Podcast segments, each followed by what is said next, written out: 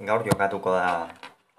Europako Superkopako final nagusia, Real Madridek eta Eintracht Frankfurtek jokatuko dute final hori, gogoratuko dugu kopa hau. Txapelunen ligako irabazleak eta Europa ligeko irabazleak jokatzen eh, dutela eta gaur Helsinkin Finlandian jokatuko da norgeiago kau.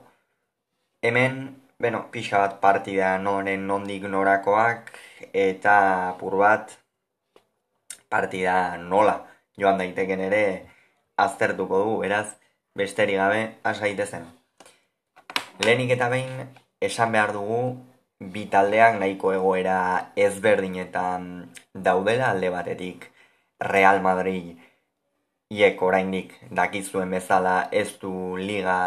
hasi, Real Madrid orain ez du liga hasi, aldiz Eintrachek jada liga hasi du eta kolpe gogorra jasota ere hasi du. Bayerren aurka izan ere bat eta seiko emaitzarekin joan behar izan zuten. Etxera benetan jipoi galanta jaso zuten. Eta egia esan ez dute Real Madrid baldintzarik onenetan hartzen horiek dira apur bat partidaren aurrekariak, ondoren Real Madrid aterako da favorito xamar, ni uste favorito garbi xamar gaurko partidarako gauzak diren bezala. Eta bestalde batetik berriz, favorito garbi xamar ateratzeaz gain, jokoaren nagusitasuna ere Real Madridek eraman beharko luke. Carlo Ancelotik bat bart adierazi zuen talde talde nagusia aterako zuela kasu honetan Txapeldunen ligako finalean atera zuen talde berdina aterako zuela, hau da, kurtua jokatuko luke ATP-an, mendi ezkerretik karbajal eskuinetik, militao eta alaba atzealdearen erdi aldean edo erdiko atzelari moduan, Casemiro Kroos Modric zelai erdian eta Benzema Vinicius eta Rodrigo aurrean. Ikusiko duguea Benzema eta Vinicius hor aurreko alde horretan nahiko garbi daude, baina ez ote dion behar bada jazarri edo aukera txoren bat emango ikusiko duguea noren aldeko apustua egiten duen, hor baititu jazar, hor Ba, hor baitu Asensio, hor du Rodrigo, aukera bat baino gehiago ditu, eta ikusiko duea zeren aldeko autua egiten duen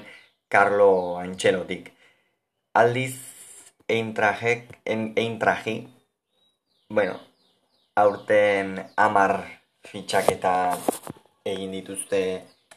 Alemaniarrek, amar fitxaketa, e, kontutan hartu behar da noski eintrajen historia jada erabat aldatua dela, orain arte Alemaniako erdiko talde bat zen, orain aldiz txapeldunen ligako talde bat, eta alere albiste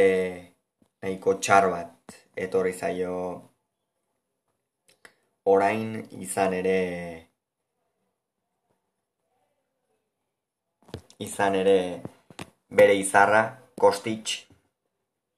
Juventusek fitxatu berri du, eta benetan kolpe gogorra eintra Frankfurtentzat Kosticen eh, joate hau ezta. Hortikan horrez gain, lehen urtetikan edo lehen urteko Europa Ligeko zera horretatikan, Bayerren aurkako partidako amaikakoa ikusita ez ditu aldaketa asko egin, hori, hori bai kostitxek ez du jokatuko noski, baina kontutan hartu behar da Mario Gotze fitxatu duela, jokalari historikoa, ibilbide luzekoa, Alemaniari mundialeko golori eman ziona, bestalde batetik Alemaniari golori eman ziona, Bayerren, Borussia Dormunen, PSV Indobenen pasaden denboraldian ere jarduntzena eta behar bada ez da kostitzen kalitate edo maila horretara iristen, baina, bueno, ikusiko du, ea, ea zer ematen nion, ea ze amaikakoren alde egiten duen eintrajek, hori garrantzitsua izango baita, eta ea ze partida ikusten dugu, baina hori, Real Madrid favorito nabarmen xamarra izango da, jokoaren ekimena berak eramango du, gainera Kostic behar bada diferentzia gehien markatzen zituen jokalariarekin edo ezin du kontatu gaurkoan